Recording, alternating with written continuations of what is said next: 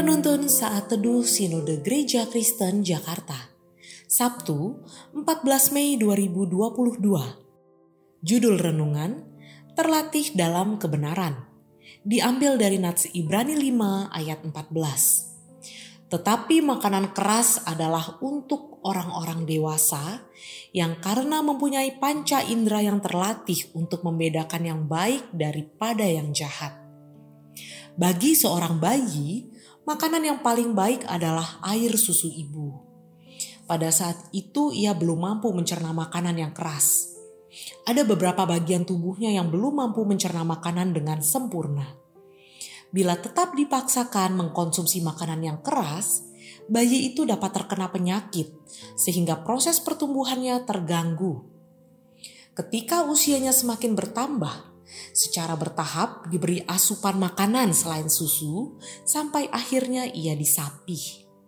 Seiring dengan pertumbuhannya, tubuhnya semakin siap dan mampu mencerna makanan keras dengan baik.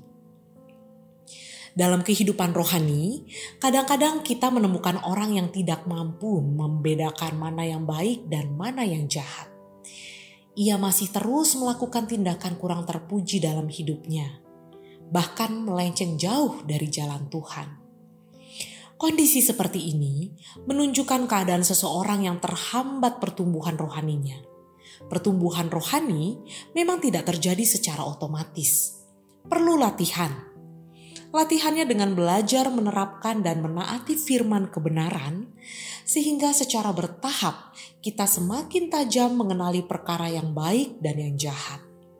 Sikap yang terbuka untuk belajar dan senantiasa siap diperbaharui oleh firman-Nya merupakan lahan yang subur bagi pertumbuhan rohani. Semakin kita bertumbuh, kita akan semakin menyerupai Kristus dan buah rohnya semakin nyata dalam kehidupan kita. Karena itu, kita perlu terus terlatih dengan hidup dalam kebenaran firman Tuhan setiap hari. Semakin dewasa kita bertumbuh secara rohani, semakin peka kita dalam mengikuti jalan kebenaran. Kiranya Tuhan memampukan kita